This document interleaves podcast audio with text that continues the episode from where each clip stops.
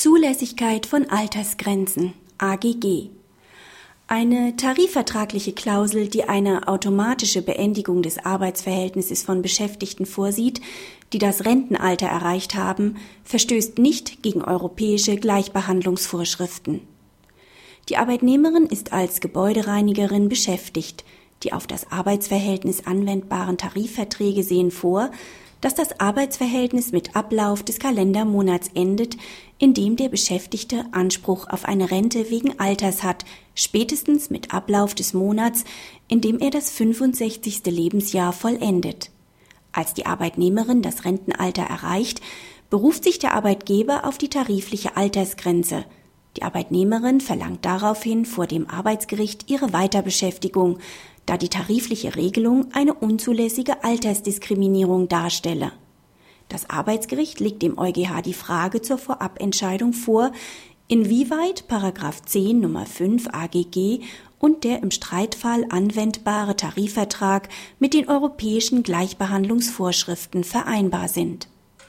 Der EuGH hält sowohl die streitige nationale Ausführungsbestimmung als auch die für das Arbeitsverhältnis anwendbaren tarifvertraglichen Regelungen mit dem Gemeinschaftsrecht, insbesondere Artikel 6 Absatz 1 der Richtlinie 2078 EG, für vereinbar.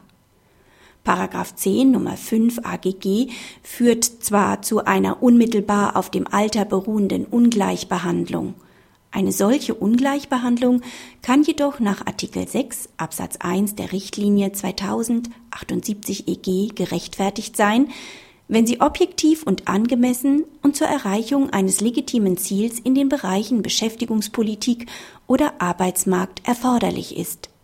Bei der Festlegung möglicher Rechtfertigungsgründe im Bereich der Arbeits- und Sozialpolitik verfügen die Mitgliedstaaten über einen weiten Ermessensspielraum.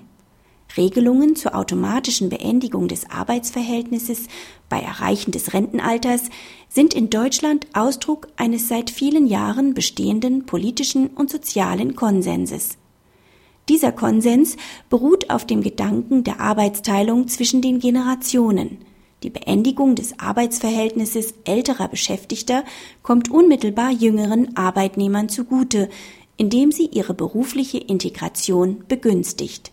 Derartige Klauseln sind auch in anderen Mitgliedstaaten als Teil des Arbeitsrechts und der Beziehungen des Arbeitslebens üblich und anerkannt.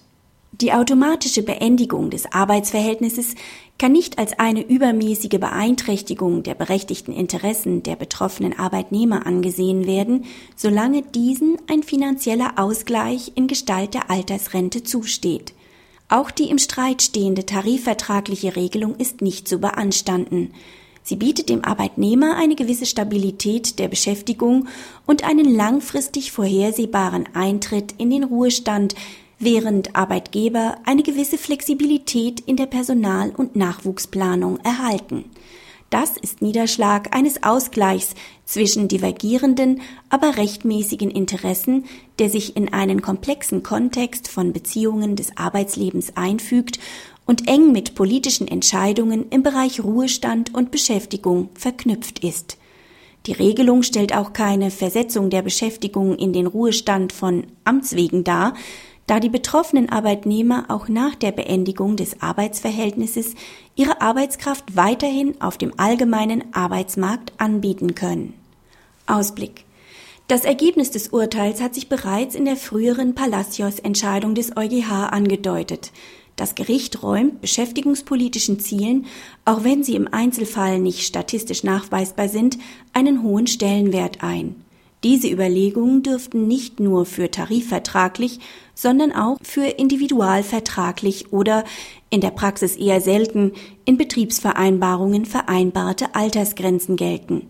Nicht erörtert wurde die Frage, ob es zwingend erforderlich ist, dass die getroffene Vereinbarung an einen ungekürzten Bezug der gesetzlichen Altersrente anknüpft oder ob gegebenenfalls auch ein früherer Zeitpunkt für die automatische Beendigung des Arbeitsverhältnisses gewählt werden kann.